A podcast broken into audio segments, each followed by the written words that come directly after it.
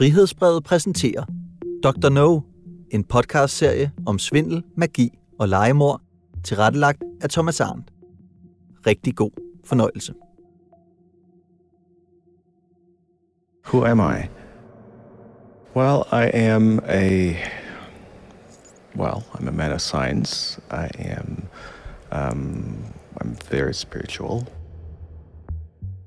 Det her er Serhat Gomrukchu, eller Dr. No, i en videnskabspodcast fra 2022, da han bliver bedt om at præsentere sig selv. I grew up with multiple religions in my family, so um, I believe everything is everything is connected, and I'm a perpetual student of life. Han svarer på mange måder et paradoks. Han fortæller nemlig, at han både er en videnskabens mand, men samtidig er han meget spirituel. Han fortæller også, at han er vokset op med forskellige religioner i sin familie, og tror på en større sammenhæng og at alt er forbundet. Og så beskriver han sig selv som en evighedsstudent af livet. Og spørgsmålet om, hvem Dr. No er, ja, det er der efter alt at dømme rigtig mange forskellige bud på. De titler, den tyrkisk fødte Serhat Gamrukcu gennem tiden har skrevet på visitkortet, vil kunne gøre selv den mest hårdføre jobkonsulent for pustet. Listen tæller både tryllekunstner, læge, Dr. Sarhat Gumruchu is a genius. forsker, I always believed there is no such thing as an incurable disease. medejer af et mineselskab, FN-ambassadør, kongelig, It was clear that he was royal. og nu også mistænkt for at have orkestreret et legemord. The men accused of a murder for hire plot in Vermont now facing more charges. The United States Attorney of Vermont charging Sirhat Gumrushi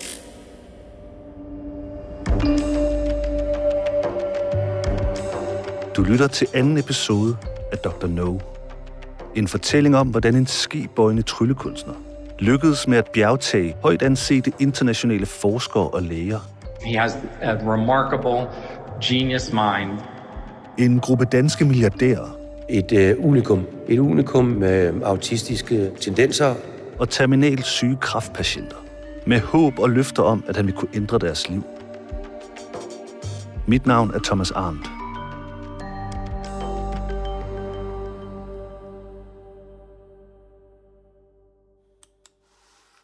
Det er lykkedes mig at komme i kontakt med flere personer, der kender eller har kendt Dr. No.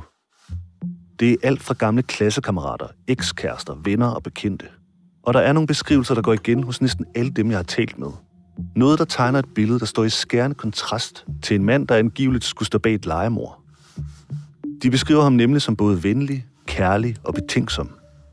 He is literally the kindest, gentlest person I know. never felt unsafe. Flere fortæller endda også om en mand, der nærmest har gjort livsændrende indtryk på dem. Sarah was always a kind. Ja, enkelte får ham nærmest til at lyde larger than life. He changed the course of my life. De kalder ham legendernes legende. En siger, han ændrede min livsbane for altid, og at han er magisk. He's magic beyond what we can understand. En anden beskrivelse af Dr. No, de fleste af dem, jeg kommer i kontakt med, fortæller, er, at han er ekstremt intelligent og vidende.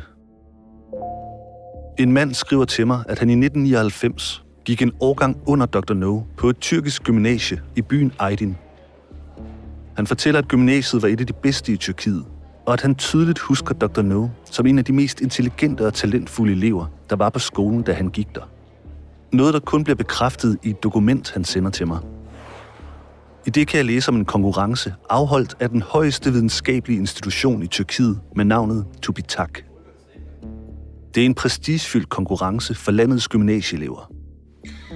Og Serhat Gumrukchu, eller Dr. No, stiller op med et projekt, der oversat til dansk har den mundrette titel Optagelse af nikotin og andre skadelige stoffer, der frigives ved forbrænding af nikotintobak med citronsyre. Dr. No får en førsteplads og vinder konkurrencen.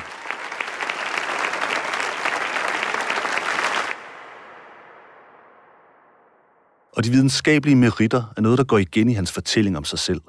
Jeg har fundet tre forskellige CV'er, som giver et overblik over de uddannelser og karriereforløb, Dr. No selv ynder at fremhæve. Og det, jeg kan læse, stikker i virkelig mange forskellige retninger. der står, at han i 2004 skulle have færdiggjort sit medicinstudie på Dukus Aylul Universitetet i Tyrkiet.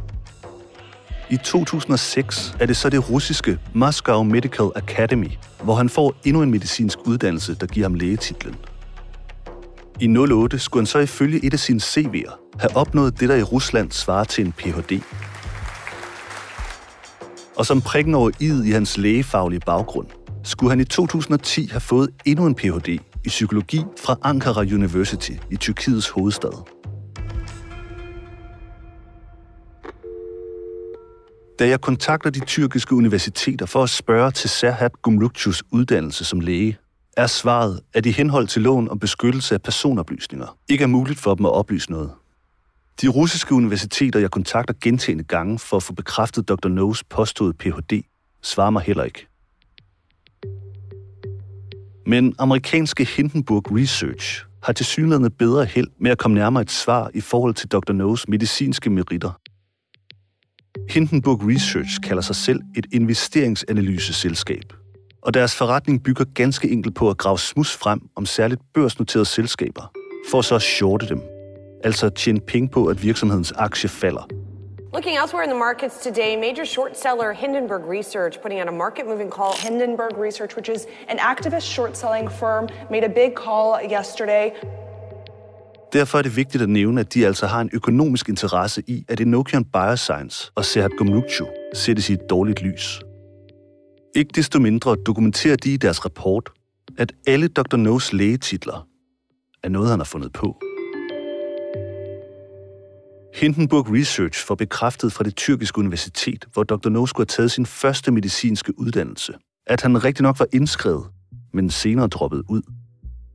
De lykkedes også med at få tilsendt et officielt dokument fra det russiske universitet, Dr. No skulle have gået på. I dokumentet står der, at han aldrig har gået der.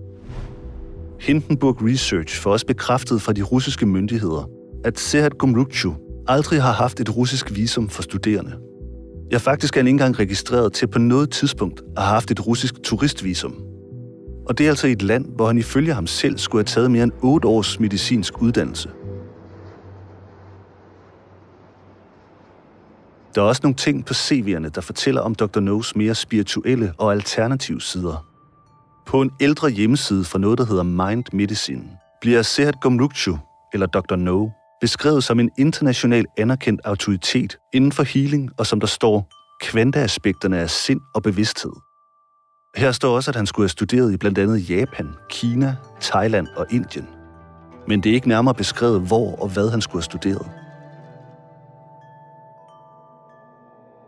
The only thing we can do is to take what we know, all the science that we have so far, and add something that we don't know to what we know.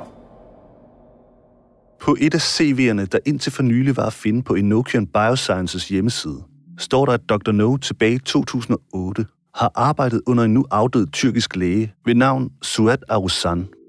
En hurtig søgning på navnet fortæller, at han er stifter af en tyrkisk klinik, der gjorde sig i behandlinger med blandt andet akupunktur, cupping og ilebehandlinger.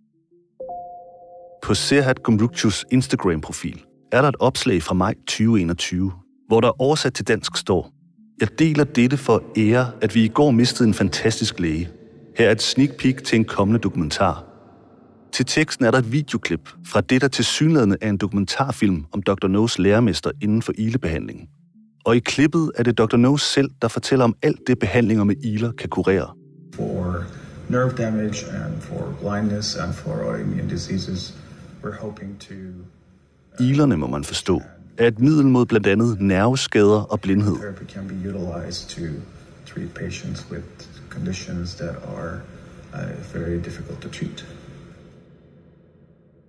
Og Dr. No's evner inden for alternative behandlinger er grunden til, at erhvervsmanden Ole Appelgaard i 2017 rejser til LA for at møde ham.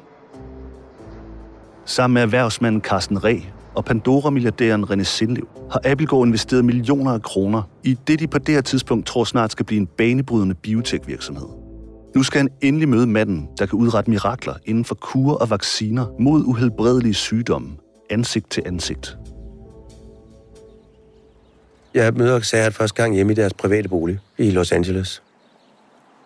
Det er i Los Angeles bydelen West Hollywood, at Serhat Gumrukchu bor med sin mand. De bor øh, beskeden. De bor i øh, sådan et spansk inspireret hus øh, på en bakketop, hvor jeg lige vil at sige, med en meget stejl vej op til. Pænt og nydeligt og ordentligt. Ole Appelgaards første møde med geniet, der skal redde han og de andre danske erhvervsmænds biotek-investering i det kuldsejlede danske Dendrit Biotek, er et møde med en mand, der er noget ud over det sædvanlige. Han er en lille fyr med små hænder, meget øh, introvert, kommunikerer ikke selv, men svarer, når du spørger. Helt klart sidder du med fornemmelsen af, at der sidder et autistisk menneske af en eller anden slags. Påstår selv, at han er Asperger, at det har jeg jo så ikke en chance for at vurdere. Og Abelgaard lægger især mærke til nogle evner hos det store forskerhåb, som han mener bekræfter, at sådan en diagnose ikke er helt utænkelig. Han har en fantastisk evne til at lave mange ting på én gang. Og der har jeg jo et lille eksempel. Så jeg sidder og skriver på sine forsøgsprotokoller. Og jeg kan se, at han skriver meget, meget, meget hurtigt. Jeg kan skrive hurtigt med to fingre, men han skriver lynende hurtigt med alle ti fingre, mens vi sidder og taler. Og så på et tidspunkt, så tænker jeg, at det kan simpelthen ikke være rigtigt. Han kan sidde og fokusere på den her samtidig, samtidig med, at han skriver så hurtigt. Og det er efter et kvarter, 20 minutter, hvor vi har faktisk sådan on and off siddet og talt sammen. Så jeg går om på den anden side, og så siger jeg, må jeg se, hvad det er, du skriver? Og så siger det må du godt. Og så viser han mig, at det er et udkast til en forsøgsprotokol. Og jeg siger, hold da kæft. Så siger han, ja, der er vi oppe på 42 sider. Så printer han dem ud, og tager dem, og så giver han mig dem. Og så siger han, jeg ved lige præcis, hvad der står øh, overalt. Og siger, nå, nå. Og så slår jeg vilkårligt op, og så siger jeg på side 36, andet afsnit starter sådan, hvad står der derefter? Og så genfortæller han fuldstændig ordret, linje for linje, hvad der står nedenunder. Og så tænker jeg, okay, her, der har dine papir igen. Øh, så du sidder ikke bare og lader, som om du skriver. Og det er jo også nogle oplevelser, som gør, at man tænker, det var Sørens. Når man sammenligner sig selv med ham, ikke? Anledningen til, at Ole Abelgaard er rejst til LA for at møde Serhat Gumrukchu, er, at han skal have en behandling af ham. Nu ser Abelgaard, der fortæller, at han lider af lungesygdommen KOL, en mulighed for, at han på egen krop kan afprøve de fantastiske fortællinger om en mirakellæge, der kan kurere de sværeste sygdomme, virkelig kan være rigtig. Lad mig prøve at have med, fordi at, øh, jeg har fået konstateret noget kol, og fået en vis stivhed i lungerne, og om det er genetisk, eller det er rygning, eller jeg har været nærheden af asbest, det ved jeg ikke. Men lad os se, om han kan kurere det. Det foregår så hjemme hos ham selv privat.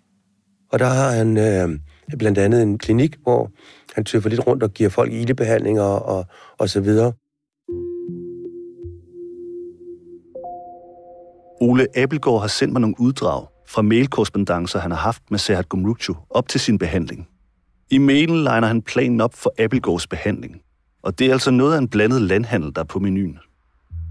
Her beskriver han, hvordan lungebehandlingen vil bestå af fire stamcellebehandlinger. Han skriver, at Abelgaard først skal have det, Gumrucu kalder generelle stamceller, som ifølge ham skal regenerere de indre organer. Og så skal han have lungespecifikke stamceller, som vil kunne klare lungesygdommen. Under et af punkterne står der også, at der sideløbende med lungebehandlingen skal køre en hårgenoprettelsesbehandling, altså en behandling for hårtab. Der står også, at han har planlagt en behandling med en helt ny formel, der dræber fedtceller inden for få dage. Altså en nærmest magisk slankekur. Det virker umiddelbart til, at Dr. No har en behandling mod det meste. Der får jeg så en stamcellebehandling. Stamcellebehandling, det er celler fra foster, øh, der er mellem 6 og 12 uger gamle. De hedder fetal stem cells. Der er i dag forholdsvis få resultater fra kliniske studier af behandling med stamceller. I forsøg med dyr er der dokumenteret en virkning med fosterceller for en række sygdomme. Stamcelleterapi er særligt i USA blevet solgt som en mirakelløsning på en række sygdomme. Så meget, at den amerikanske lægemiddelstyrelse direkte har advaret mod brugen. Have you seen ads or attended a seminar for stem cell therapies that claim to be able to treat diseases like chronic joint pain, Alzheimer's, cancer, and more? Don't believe it. Men nu er det Ole Abelgaards lungeproblemer, Dr. No vil behandle på sin hjemmeklinik. Det fungerer ved, at du får de der stamceller i drop. Det vil sige, at du får bare lagt et øh, kateter ind i armen, eller ind i din pulsår i armen, og så drøber det lige så stille ned fra en pose med nogle vitaminer i også, der hænger på et stativ. Og så sidder du der og venter på, at det kommer igennem. Det kan tage fra en halv time til en time. Ole Abelgaard har gjort sit forarbejde i forhold til at undersøge, om Serhat Gumrukchu virkelig er så dygtig, som rygtet siger. Og efter behandlingen, da han igen er hjemme i Danmark, får han svar på det spørgsmål. Jeg kommer jo hjem, og jeg havde på forhånd gjort mig umage, fordi jeg har en god ven, som rent faktisk forsker på Pano. Så vi lavede en helvedes masse lungetest med at blæse kugler i rør, og jeg ved sgu ikke hvad, og fik lavet nogle rapporter på før, og så fik jeg også lavet nogle efter.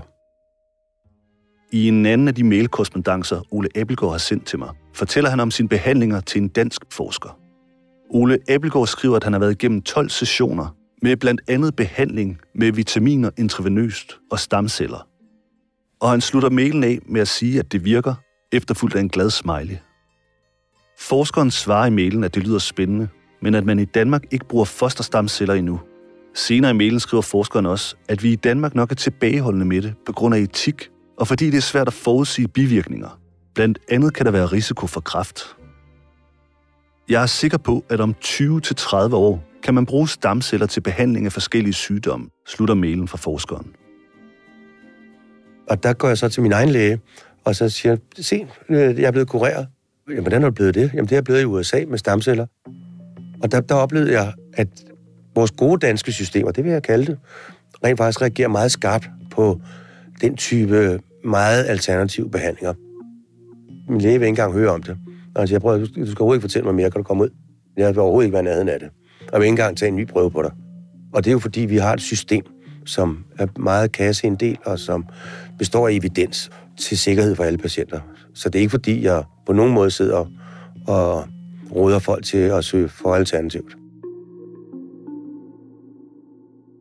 Efter behandlingen på Dr. No's klinik i LA, fortæller Ole Abelgaard, at han føler sig som et helt nyt menneske. Nu tænker jeg, hold kæft, nu er jeg blevet ung igen. Og nu har jeg fundet nøglen til at blive rigtig gammel og have det godt stadigvæk. Og så sker der en masse ting op i en ældre fyrs hjerne. Øh, så jeg begynder at gå i fitness og dyrke motion og vægttræne og så videre. Men ifølge Abelgaard begynder der efter kort tid igen at være problemer med helbredet. Og der konstaterer jeg så, at jeg har nogle problemer med at få luft. Øh, blandt andet føler jeg, at der sidder en elefant oven på brystet af mig, og nogle gange ryger jeg ud af fitnesscenteret, fordi jeg synes, der er for lidt ild i rummet. Derfor ringer han straks til sit nye vidunderbekendtskab i LA, i håb om, at han igen kan hjælpe ham. Så jeg ringer over til Sarah og siger, prøv at høre, der er noget galt med den behandling, jeg har fået. Der er gået et eller andet galt i min, min stamcellebehandling, ikke? Øh, fordi jeg oplever sådan og sådan. Og så siger jeg, nej, nej, nej, nej, nej, det har overhovedet ikke med noget med, med det at gøre. Du skal gå ned og få en øh, CT-scanning af, af din af, af pulsår. Ole Abelgaard fortæller, at han får lavet en CT-scanning, og det viser sig, at hans situation er meget alvorlig. Og derfor har jeg konstateret, at jeg har en meget, meget stor forsnævring i min hovedgrænspulsår, den venstre som gør, at jeg slet ikke får nok ild til kroppen. Og der får jeg tilbudt så at få det ordnet med det samme. Og der skal jeg faktisk alle komme allerede to dage efter, hvad der er helt uhørt. Så stor var for, for den indsnævring, ikke? Abelgaard fortæller, at han får tid til en operation på et dansk hospital. Og så ringer han til Dr. No i LA for at høre hans syn på sagen. Jeg var lige nede på apoteket og hente den der lille skrutasæske valg, det jeg skulle begynde at tage med det samme. Og der skrev jeg over til Sarah var Dr. Nora er mildest talt uenig i det danske sundhedsvæsens planer for operation og behandling af Ole Abelgaard. Dr. No, må man forstå, er nemlig udover at være ekspert i lungebehandling, behandling af hårtab og gør sig som slankeguru, også en autoritet, når det kommer til overforkalkning i hjertet. Han siger, nej, nej, nej, nej, smid det hele ud. Øh, gå ned og køb noget persille og noget lime, og så skal du kværne det og drikke det fire gange om dagen, og så skal du hoppe herover på en flyver. Og det gør jeg så. Til stor selvfølgelig fortrydelse for, for dem, der stod klar til at tage mod mig dagen efter. Ole Abelgaard møder altså ikke op til den planlagte operation. I stedet hopper han på et fly til Los Angeles og kommer den her gang i ilebehandling hos Dr. No. Der kommer altså i ilebehandling med det samme. Ilebehandling foregår ved, at man øh, har iler liggende svømmende rundt i et glas vand. Og øh, så samler en sygeplejerske dem op one by one, og så sætter hun den på bestemte steder på brystet, alt efter hvad det er, du fejler. Og så sidder den der, og så bider den sig fast. Og det er ligesom et kraftigt moskitobid. Og så sidder den der, og så går den fra at være 2 cm lang til at være 6-8 cm øh, og bliver meget, meget, meget tykkere. Og så slipper den, når den er færdig. Og det er så enzymet, der er i inen, der kommer ind i blodårene, som opløser kalken i, i hovedpulsåren. Og igen er den alternative behandling hos Dr. No til synlædende en succes. Allerede efter to dage eller tre dage falder mit blodtryk til at blive helt normalt.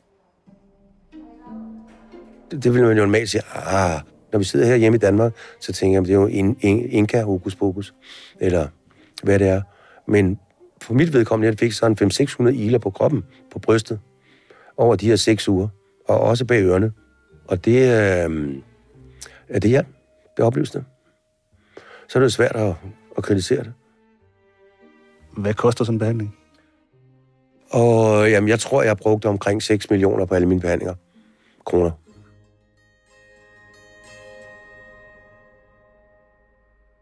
Under Ole Appelgaards besøg hos Serhat Gomrukchu i L.A., får han også et lille glimt af tryllekunstneren.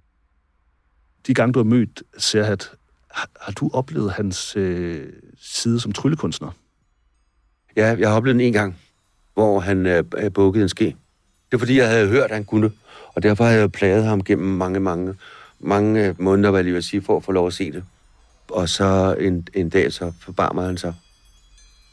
Og så beder han øh, øh, en af sygeplejerskerne om at hente øh, en ske.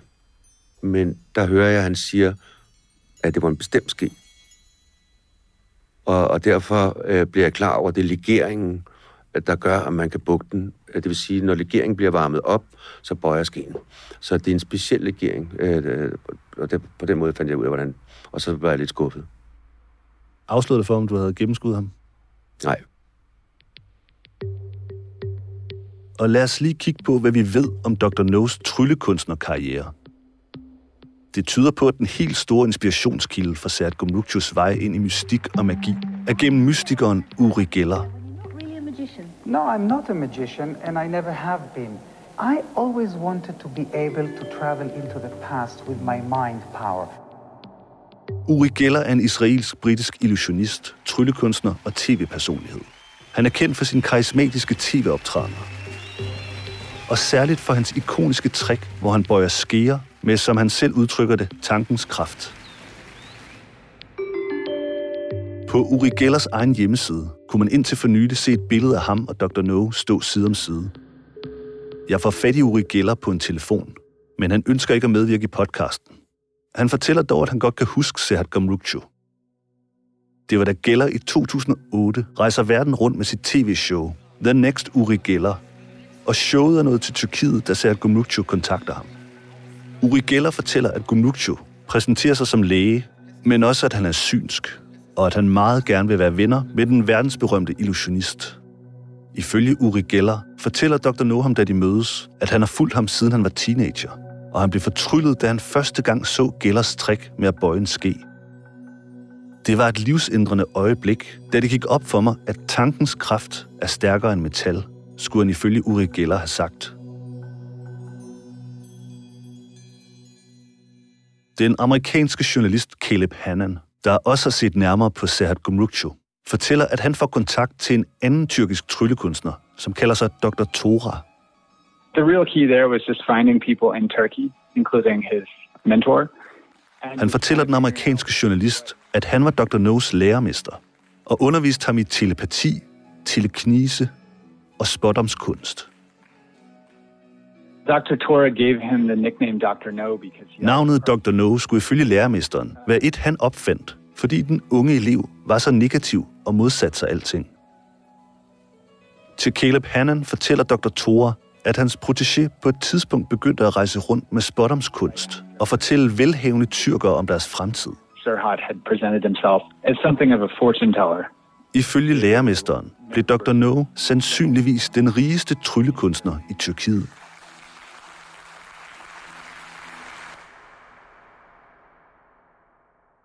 Men Serhat Gumrukchu finder til synlædende en mere profitabel levevej end trylleriet. Og han bytter gennem årene den magiske kappe og høje hat ud med en hvid lægekittel og påstået geniale evner inden for celleforskning og alternative behandlinger. Det er også den Dr. No, den 77-årige erhvervsmand og biotech-investor Carsten Reh, møder, da han på Ole Appelgaards opfordring også rejser til Los Angeles for at få en behandling. Ole, han gik over og tog sådan en omgang, hvor han fik både det ene og det andet lavet. Blandt andet fik han lavet ildebehandling. Og så sagde jeg, jeg har fået det så godt siden. Da jeg kom derover, kunne jeg slet ikke trække vejret, så dårligt var det hele. Og jeg blev frisk af det hele. Jeg tror nok, han overdrevet lidt, men han så så frisk ud. Han har nok shined sig op og puttet solbrun i håret. Han, han kom med den forklaring. Mor Maltik, jeg sagde, det kunne jeg da også godt prøve, fordi jeg har jo haft sådan noget, der gik løst og så får videre i blodsystemet og havnet op i bolden. Så hvis man kan få sådan nogen til at sidde og suge skidtet ud, så er det jo smart nok. Og selvom man er milliardær, behøver man jo ikke ligefrem bo på det dyreste hotel i Hollywood. I hvert fald ikke, hvis man hedder Carsten Reh. På Airbnb lejede jeg sådan et typisk lortetræhus, der er på alle de der små veje i L.A. Der havde jeg en tre kilometer at gå. Så jeg tænkte, jeg skal sgu hverken lege bil i tre uger for bare at køre derop. Så jeg tænkte, jeg går sgu. Det første møde med manden, der gerne skulle få res biotek-investering på mere end 60 millioner kroner til at mange doble, fortæller han umiddelbart virker overbevisende. En yngre mand, jeg synes sgu ikke, han ligner ret meget en tyrker, og man nu har farvet sit hår lidt gråt, eller hvad ved jeg. Han bliver jo præsenteret som en geni. Jeg kan ikke fortælle dig, at ser han på nogen måde virket forkert, andet end virket specielt, og det er klart. Han er autist, men rolig og stille, og man blev i hvert fald bildet ind, han havde frygteligt travlt. Jeg er jo ikke selv medicin, altså jeg vil jo ikke spørge ind til noget som helst. Jeg kan bare se på omgivelserne, der kommer nogle mennesker, der sidder og venter et ventværelse, ligesom jeg selv gør, og så bliver vi taget ind, og så bliver man behandlet. Carsten Reh har både haft kraft i blæren og en blodprop i hjernen. Og han fortæller, at det mest af alt var tænkt som en forebyggende behandling, han skulle have hos Dr. No. Når man har været igennem det der igennem, så er man sgu sådan mere modtagelig for lidt hokus pokus, hvis det kan hjælpe. Ikke? Og øh, det var jo lige sig det, der gjorde sig gældende. Jeg blev vejet, jeg blev scannet, og så kiggede han på mig, så synes han, at jeg havde en ualmindelig god balance i forhold til min alder, og så siger jeg, det, det har jeg, det har jeg altid haft. Jamen, det var bedre, end han var vant til med folk på mit aldersniveau. Da Carsten Reh sætter sig til rette i klinikstolen, starter Dr. No sygeplejersker hans ilebehandling. Der var sådan en øh, stol, eller lidt eller en tandlægestol. Du satte dig der kunne, så du kunne sidde behageligt, og der var ikke så meget udstyr. Der var nogle skaber, nogle medicamenter, de brugte til ildbehandling i det rum, jeg var. Så kom de og rensede ind med sprit, og så tog de så nogle af de der iler frem, og så satte de en der og en der og en på brystet. Der, hvor de store blodomløb øh, kører stærkt, ikke? Og heroppe i nakken og øret. Og efter ilebehandlingen er det blevet tid til endnu en af Dr. No's spidskompetencer inden for alternative behandlinger. Til sidst fik jeg øh, stamceller, sådan en pose et eller andet ind, og det, om vidt det har været saltvand, det ved jeg sgu ikke. Men, men det er jeg jo ikke klar over. Jeg blev ikke syg af det, og jeg kunne ikke mærke nogen forskel, så hvad fanden skulle jeg tænke? Anden, at det var godt nok. Og så må jeg jo sige en ting, at jeg har trods alt levet siden, uden blodpropper eller noget som helst. Det, det er jo så en kendskærning. Og det virkede troværdigt, det de lavede. Det eneste, der var galt, det var at dem, der løb rundt. De to-tre to, andre mænd, der lavede forskellige ting, de var sgu også bøsser. Det er jo ikke sådan lige min kop te. Jeg tænkte, hvad fanden, når man kommer ind i sådan et bøssehus? Og det er jeg ked af, hvis du er bøsse, men hvad, hvad skal jeg gøre? Nå, men det viste sig også, at manden var jo åbenbart ikke rigtig klog. Jeg gav 1,8 millioner for at være det, og betalte til ham. For at få lidt dyr på kroppen. Så var der mange penge lige pludselig, ikke? Så jeg må have været god tro.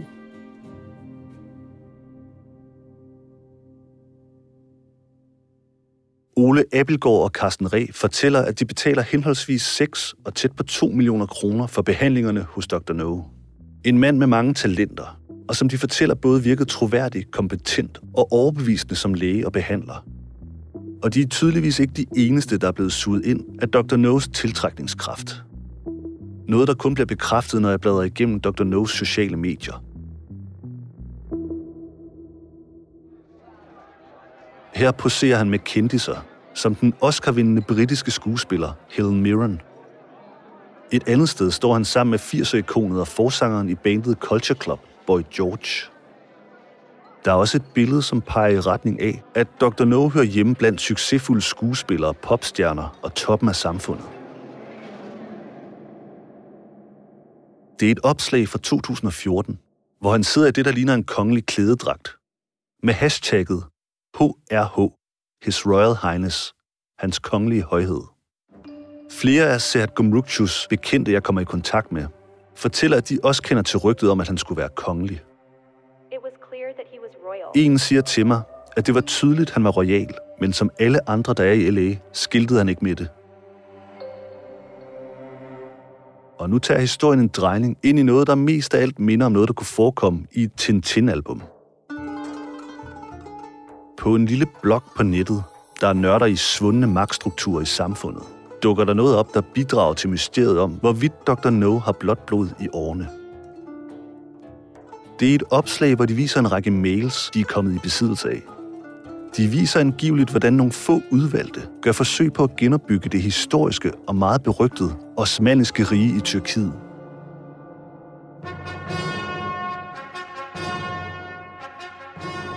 Det osmaniske rige blev grundlagt af den muslimske herfører Osman i 1281 og eksisterede i næsten 500 år. Da riget var på sit højeste, omfattede det hele det nuværende Tyrkiet og store dele af Mellemøsten og Europa. Riget eksisterede indtil 1922, hvor det blev fjernet af en revolution efter 1. verdenskrig, og hvor sultanembedet blev afskaffet. Personerne, der skriver mails til hinanden, er tilsyneladende efterkommere af riget. Det osmaniske riges prinser. En af dem, der skriver, er Serhat Gumrukchu, Dr. No. Det er ifølge de mails, bloggen lægger frem, en prins Selim Jem, en prins Mahmud Osmanaklu, og til sidst prins Serhat Gumrukchu. Der ligger en plan for at gøre krav på enten Birtavil-trekanten i Ægypten eller Emir Kadak-øerne ud for Tyrkiets kyst. Det er med en fortælling om, at netop de områder tidligere var under det osmanniske riges kontrol, og at begge områder i øjeblikket har status af terra nullius, hvilket betyder, at intet land kontrollerer eller har rettighed over det. Prinsernes valg falder på området ved Ægypten, som det osmanniske riges nye hjemland. Prinsernes plan var til synlædende at anvende international ret og arverettighederne til landet, så de kunne genopbygge det osmanniske territorium. På mail byder de forskellige osmaniske prinser ind med det, de hver især kan hjælpe processen med. Og prins Serhat Gumrukchu, Dr. No, skriver i en mail, at han ser det som en fornuftig og mulig plan. Han skriver også, at deres familie, altså den osmaniske familie, er meget respekteret i det meste af Mellemøsten, og at området ved Ægypten vil være det mest oplagte. Og så fortæller han også om en anden rolle, han påstår at besidde. Til sidst i en af de mails, han sender, siger han, at de skal tale nærmere om detaljerne, og at han glædeligt vil bruge sine forbindelser som FN-ambassadør til at hjælpe med de politiske aspekter i processen.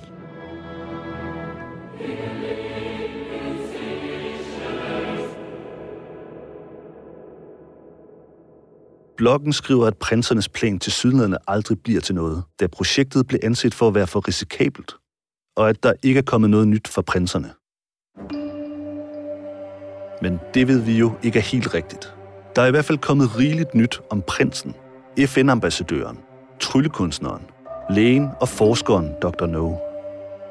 Og i næste episode af Dr. No skal vi høre mere om hans geniale evner inden for kurer og vacciner mod uhelbredelige sygdomme. De evner han tryllebinder Pandora-milliardær og nu bestyrelsesformand i biotekselskabet René Sindlev, investorerne Ole Appelgaard og Carsten Reh, og en lang række anerkendte og respekterede læge og forskere med. Og som med alle de andre historier om Dr. No, er det hele for godt til at være sandt. Der fåber han jo med dataene. Hvis de også løg med det, det er jo forfærdeligt. Og så kommer covid og influenza, og, og det er rent fup. Og vi skal høre, hvordan Serhat Gumrukchu, eller Dr. No, tjener formuer på at sælge sine kurer og vacciner. Formuer, han nu er mistænkt for at gå til ekstremer for at beskytte. Prosecutors believe in order for Gumurushu to keep his $100 million stake in the company, he ordered Davis be killed. Du har lyttet til andet afsnit af Dr. No fra Frihedsbrevet. Hvis du kunne lide det, kan du finde næste afsnit af serien i Frihedsbrevets app. Det er her resten af podcastserien om Dr. No kommer til at ligge. Og ikke nok med det. I Frihedsbredets app finder du også en masse andre spændende podcastserier som denne, så skynd dig at komme ombord.